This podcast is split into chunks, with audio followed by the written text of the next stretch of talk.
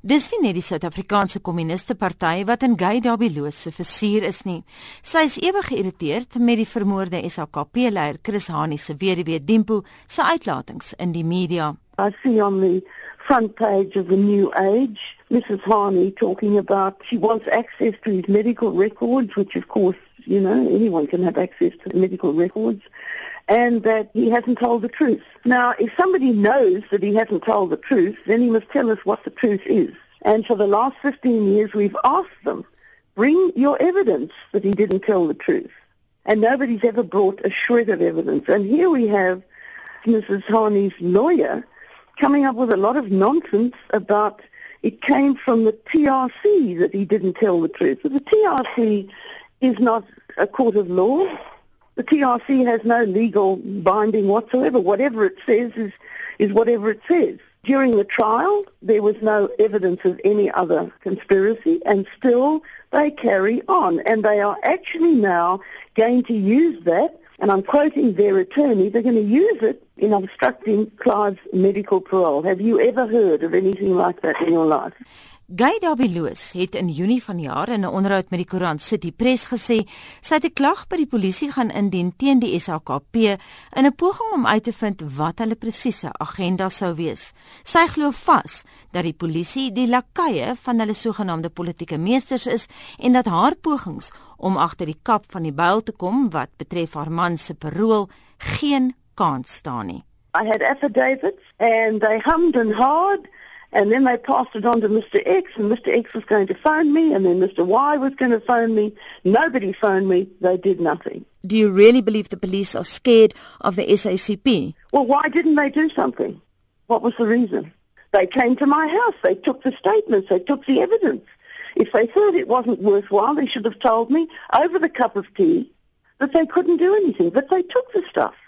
And as soon as they moved from their little circle I don't know what happened, but then I got the obfuscation and the prevarication, passing it on to somebody else, and Mr. Somebody else never phoned me, and that was it. Died, simply died. Do you have any good relationship with anybody within the prison authority or within the government? Anybody that you feel you can talk to and somebody who has been fair to you in terms of listening to what you've had to say? No. First of all, the prison authorities, they are simply the opzichters. They are the people who just look after Clive. They can't get Clive out. The final decision was changed from the courts to the minister in some legislation some years ago. And the ministers, all the ministers are part of the ANC. They are either ANC or communists.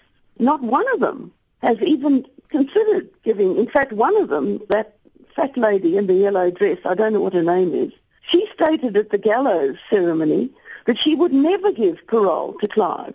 And nothing happened to her. If that had happened in Australia or in England, she would have been sacked. She had preempted it. And it's ludicrous what's gone on here. The SACP said this week that the problem with your husband is that he has never shown remorse. Well, they can't read, which doesn't surprise me. In the trial, he showed remorse.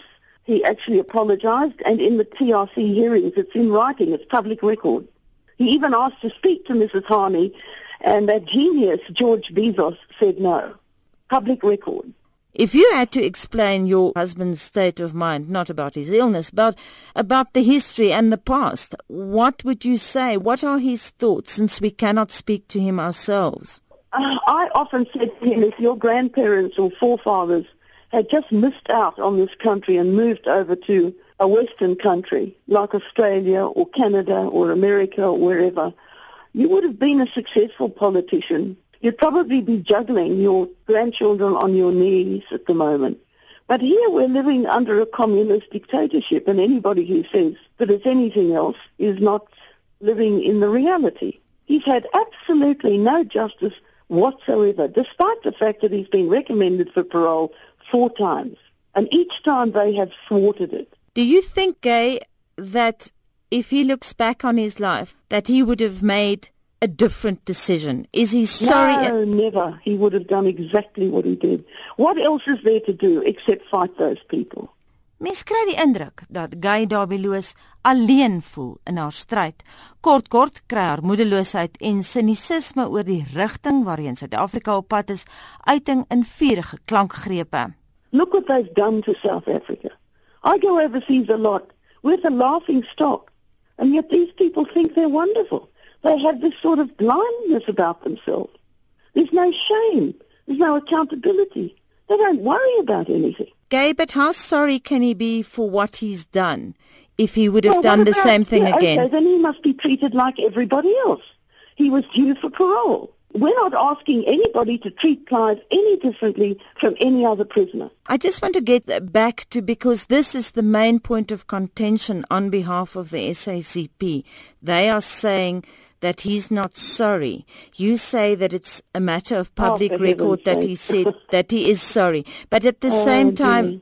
but at the same time, Gaye, you say that if he had his life over, you think he would have made the same decision. So my question to you is, how sorry can he then be? Well, everything is, is of course, in hindsight, is 2020. I don't know whether he would have made the same decision. I don't know, but I think he would have lived the same life fighting the SACP and the ANC. He could never have succumbed to that kind of a government.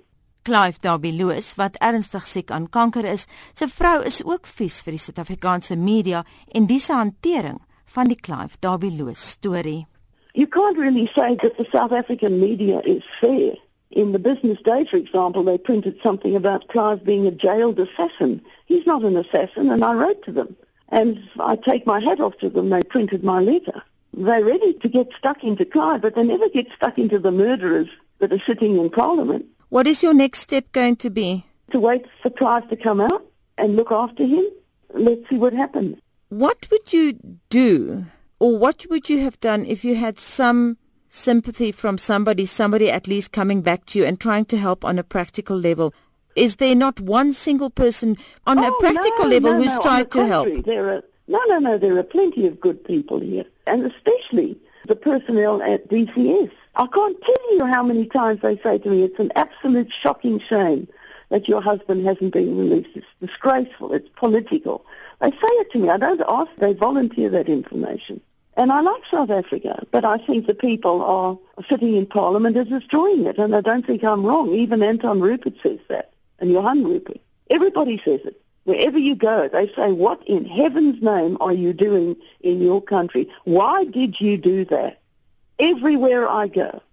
If your husband is really remorseful about what he did, don't you think it would be wise for you to say so publicly, to reiterate. You keep on saying it is a matter of public record, you know, it is there in the files of the TRC. But don't you think that an apology would do a lot in terms of healing? He tried to apologize. He asked to see Mrs. Hani on more than one occasion, and George Bizos stopped it during the TRC.